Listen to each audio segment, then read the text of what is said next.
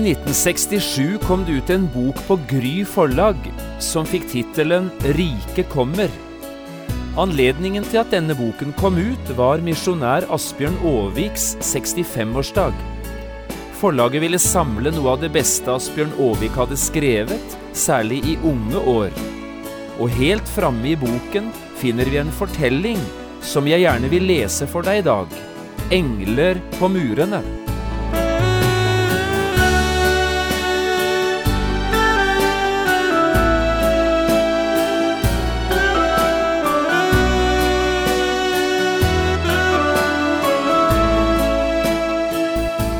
Hjertelig velkommen til et nytt program i serien Vindu mot livet. Programmet er produsert av Kristen Riksradio og blir ledet av Jon Hardang.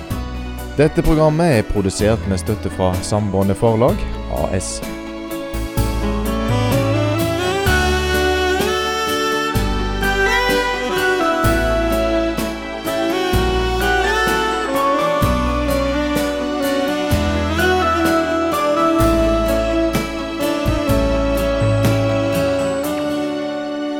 Vi skal også i dag fortsette denne bibelundervisningsserien som vi har kalt Elisa, Safats sønn. I tolv programmer skal vi gjøre en bibelvandring og stanse ved de viktigste begivenhetene i profeten Elisas liv. Du kan også få kjøpt denne programserien på CD ved å henvende deg til P7 Kristen Riksradio. I dette programmet skal vi lese første delen av historien som forteller om hva som skjedde da Elisa og tjeneren hans en gang ble angrepet av en syrisk hær, eller kanskje herjetropp, for å bruke Bibelens egne ord. Vi skal lese om dette fra andre kongebok i kapittel 6, og i dag leser vi versene 8 til 17. Jeg har kalt dagens program Engler på murene. Kongen i Syria lå i krig med Israel. Han rådførte seg med sine menn og sa, På det og det stedet vil jeg slå leir. Men Guds mann sendte bud til Israels konge og sa, Vokt deg, dra ikke forbi dette stedet, for syrerne har dratt ned der. Så sendte Israels konge folk til det stedet som Guds mann hadde nevnt for ham og advart ham for, og han tok seg i vare der. Dette hendte ikke bare én gang, men flere ganger. Kongen i Syria ble svært urolig over dette. Han kalte sine menn til seg og sa til dem, Kan dere ikke si meg hvem det er av våre folk som holder med Israels konge? Da sa en av hans menn, Det har seg ikke slik, Herre konge. Det er Elisa, profeten i Israel, som åpenbarer for Israels konge hvert ord du taler i ditt sengekammer. Kongen sa, Gå og finn ut hvor han er, så jeg kan sende folk dit og hente ham. Det ble meldt ham at profeten var i Dotan. Da sendte kongen dit hester og vogner og en stor hær. De kom dit om natten og omringet byen. Da tjeneren til Guds mann sto opp tidlig om morgenen og gikk ut, fikk han se at en hær med hester og vogner omringet byen. Og tjeneren sa til ham, Å, min herre, hva skal vi gjøre? Elisa svarte, Frykt ikke, de som er med oss, er flere enn de som er med dem. Og Elisa ba og sa, Herre, åpne øynene hans, så han kan se. Og Herren åpnet guttens øyne, og han fikk se at fjellet var fullt av hester og vogner av ild rundt omkring Elisa.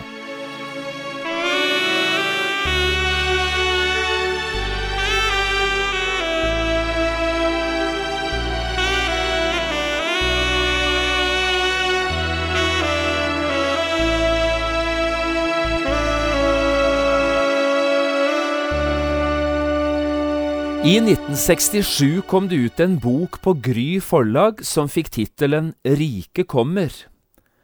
Anledningen til at nettopp denne boken ble gitt ut, var misjonær Asbjørn Aaviks 65-årsdag. Oppgaven som forlaget ga medarbeideren, Petra Flagestad Larsen, gikk ut på følgende. samle noe av det beste Asbjørn Aavik har skrevet. Og misjonærens eget ønske var dette, lag en bok for ungdom, en bok for hjertet, og helst med stoff fra de første bøkene, De venter og Nybrott. Og slik ble denne boken Rike kommer til. Men helt først i denne boken er det tatt med to små fortellinger, Min mor og Engler på murene. Og det er denne siste fortellingen, Engler på murene, jeg gjerne vil lese for deg i dag. For meg er dette en mye bedre utleggelse av den historien vi nettopp har lest sammen, om Elisa Safats sønn og hans tjener, enn det jeg med mine ord er i stand til å kunne få til. Hør på dette. Det var våren 1931 dette hendte. Et ulykkesår var det for vårt felt i Sentral-Kina. En vår en lenge minnes.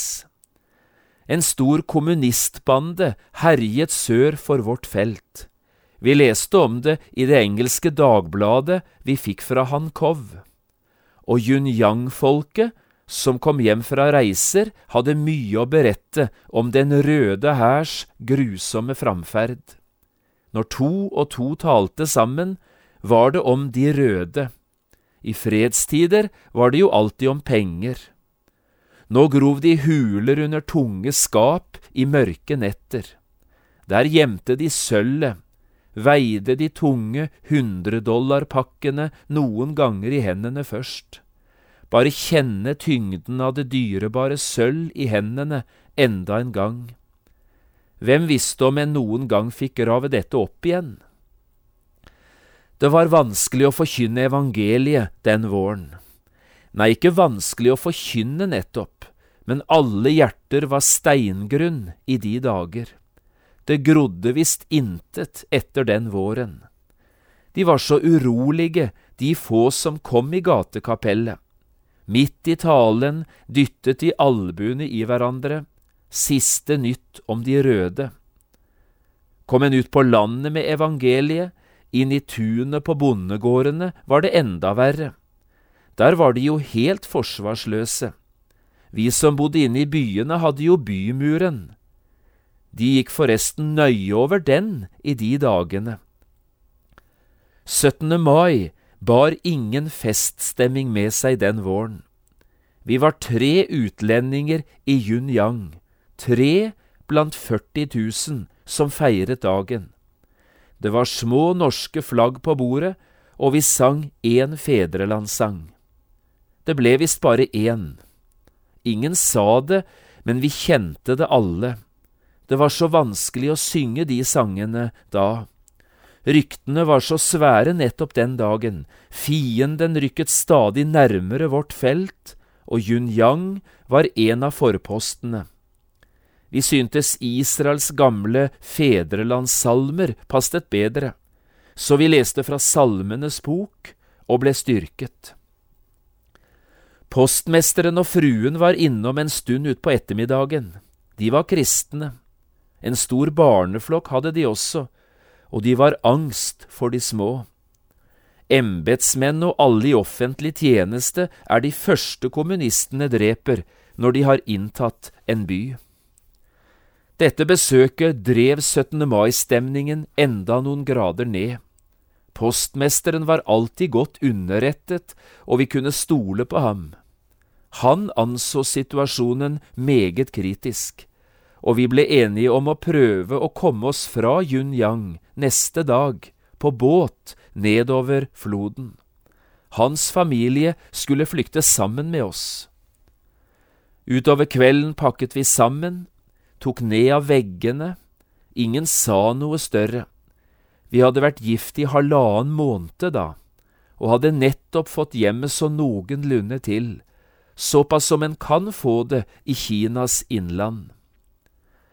Det meste fikk stå igjen i kasser, vanskelig å ha mye med når en skal flykte, kanskje flykte for livet.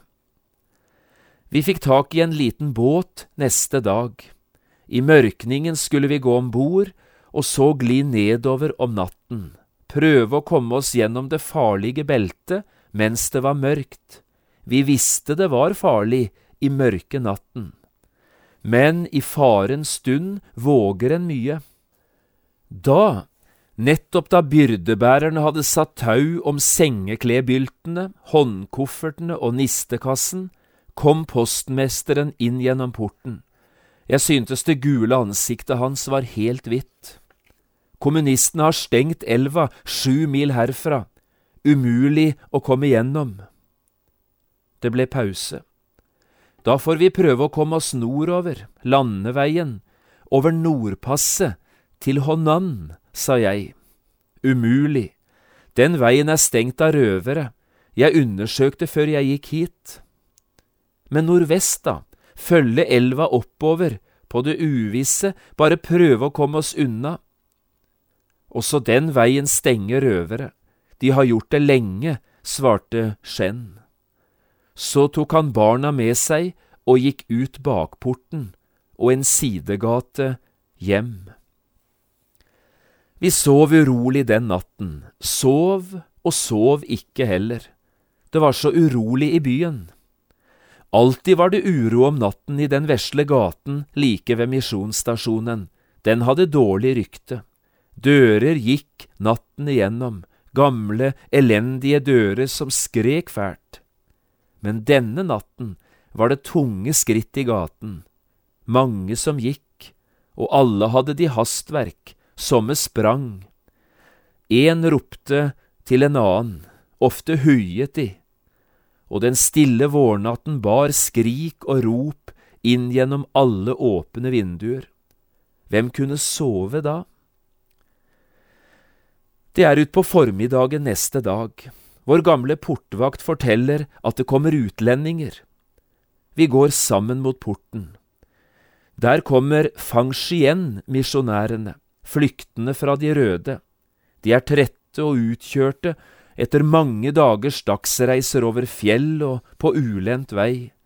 De måtte jo ta seg fram på ukjente veier, alltid i angst, en visste jo ikke hvilken vei de røde tok. Fangsien er vårt felts forpost mot sør. Dagen etter melder portvakten på ny, det kommer utlendinger. Nå er det Kynsjov-misjonærene som kommer.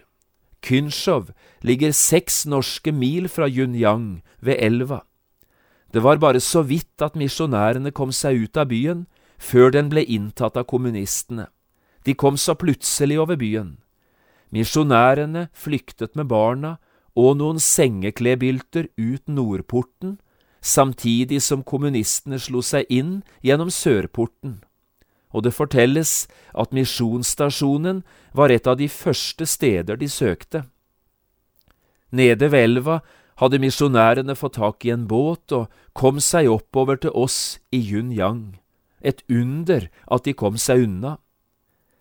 Nå var vi i alt 25 utlendinger samlet, 13 barn og 12 voksne. Så kom det tre underlige dager, dager vi aldri glemmer, vi som var der. Vi visste at Yunyang var den neste by de røde ville ta. Den lå i deres rute og var den viktigste byen fra gammelt av. Vi talte sammen om en utvei til å komme unna, og vi talte med de ledende i byen om det samme. Byens militære forsvar stolte vi lite på, det var en forhenværende røverhøvding som hadde makten. Men det jeg vil minnes lengst fra de dagene, er våre andaktstunder og bønnesamvær.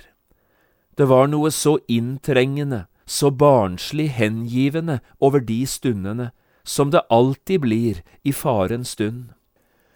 Da var det godt å minnes at Jesus har satt misjonsbefalingen midt imellom to av de sterkeste løfter i hele Bibelen. Meg er gitt all makt. Gå derfor ut, og se, jeg er med dere alle dager.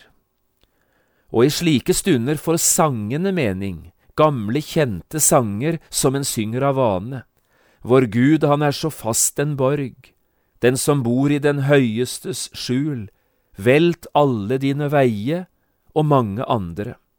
Vi sang, og sang oss inn i en forunderlig ro og trygghet. Det koster intet her hjemme, i en vakker kirke med orgelbrus og solspill gjennom fargefine vinduer, å synge.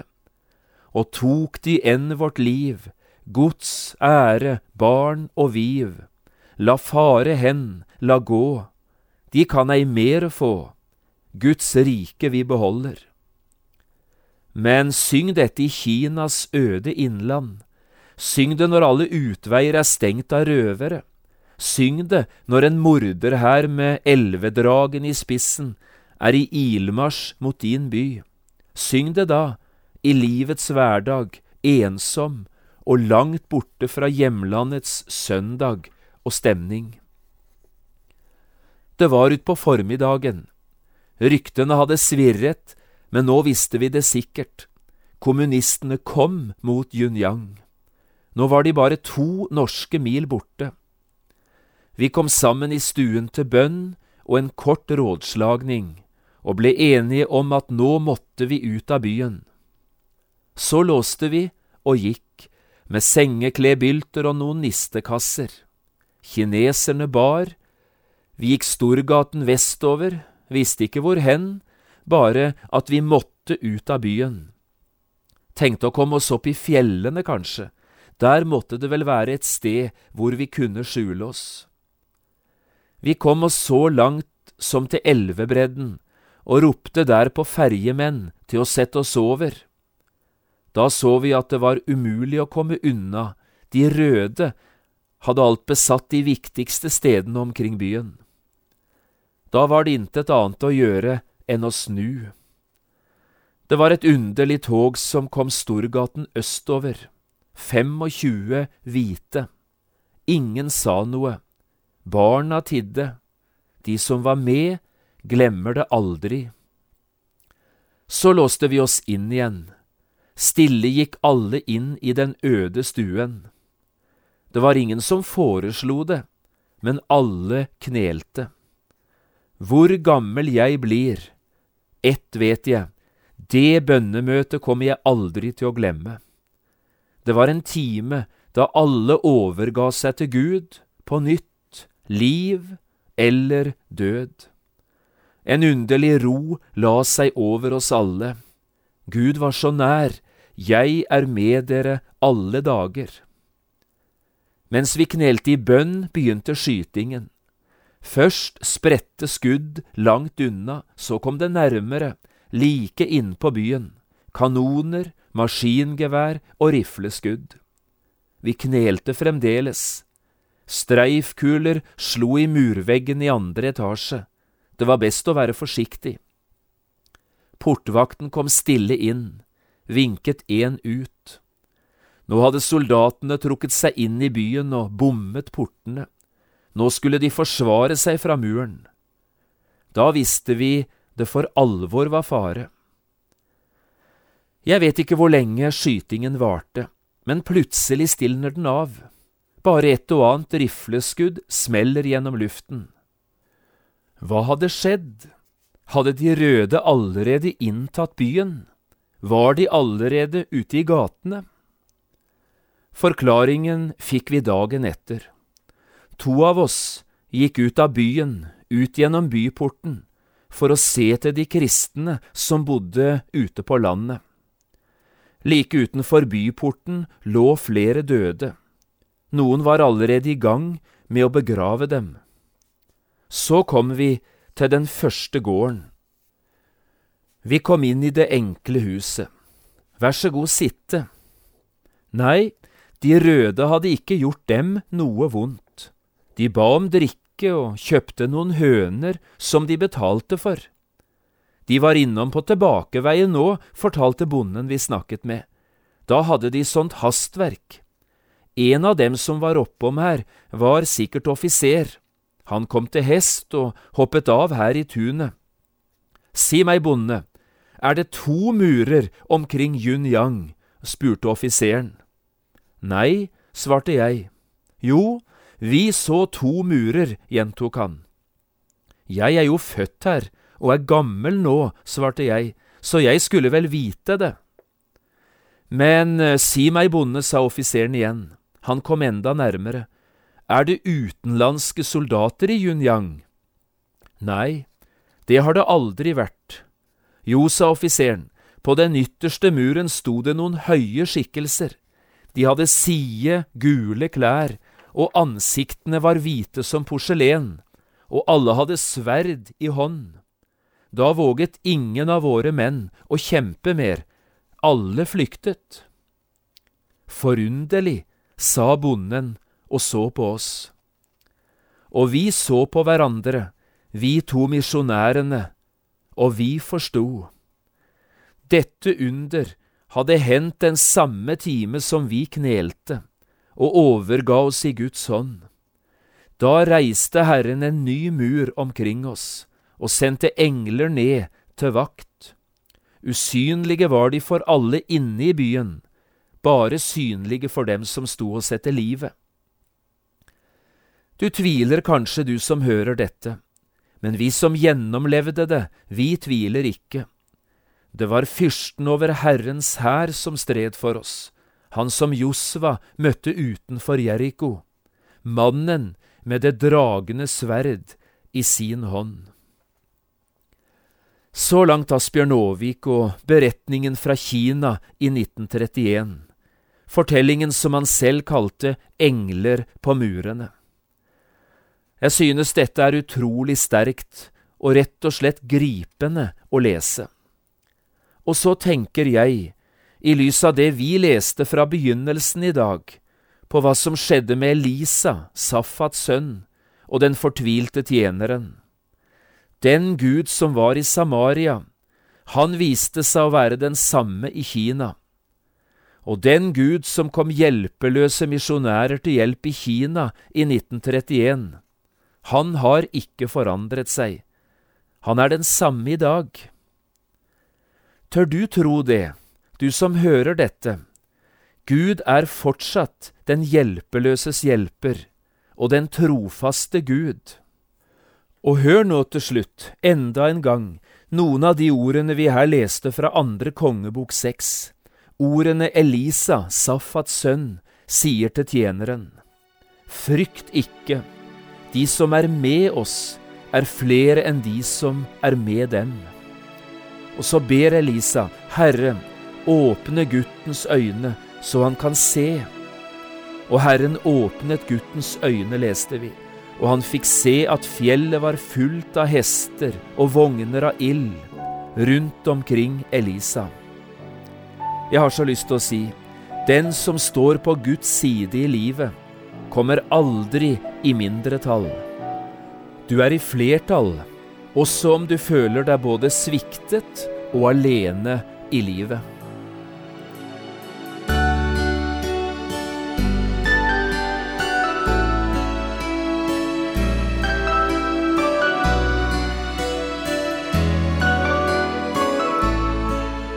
Du har hørt på et program fra serien Vindu mot livet med John Hardang. Programmene i denne serien kan også kjøpes på CD fra P7 Kristen Riksradio, eller høres på internett på p7.no. Har du spørsmål eller kommentarer til det du nå har hørt, kan du ta kontakt med oss på telefon. Da bruker du telefonnummer 56 32 17 01. Du kan også sende oss en e-post. Adressen er vml.krøllalfa.p7.no. Takk for i dag, og på gjenhør.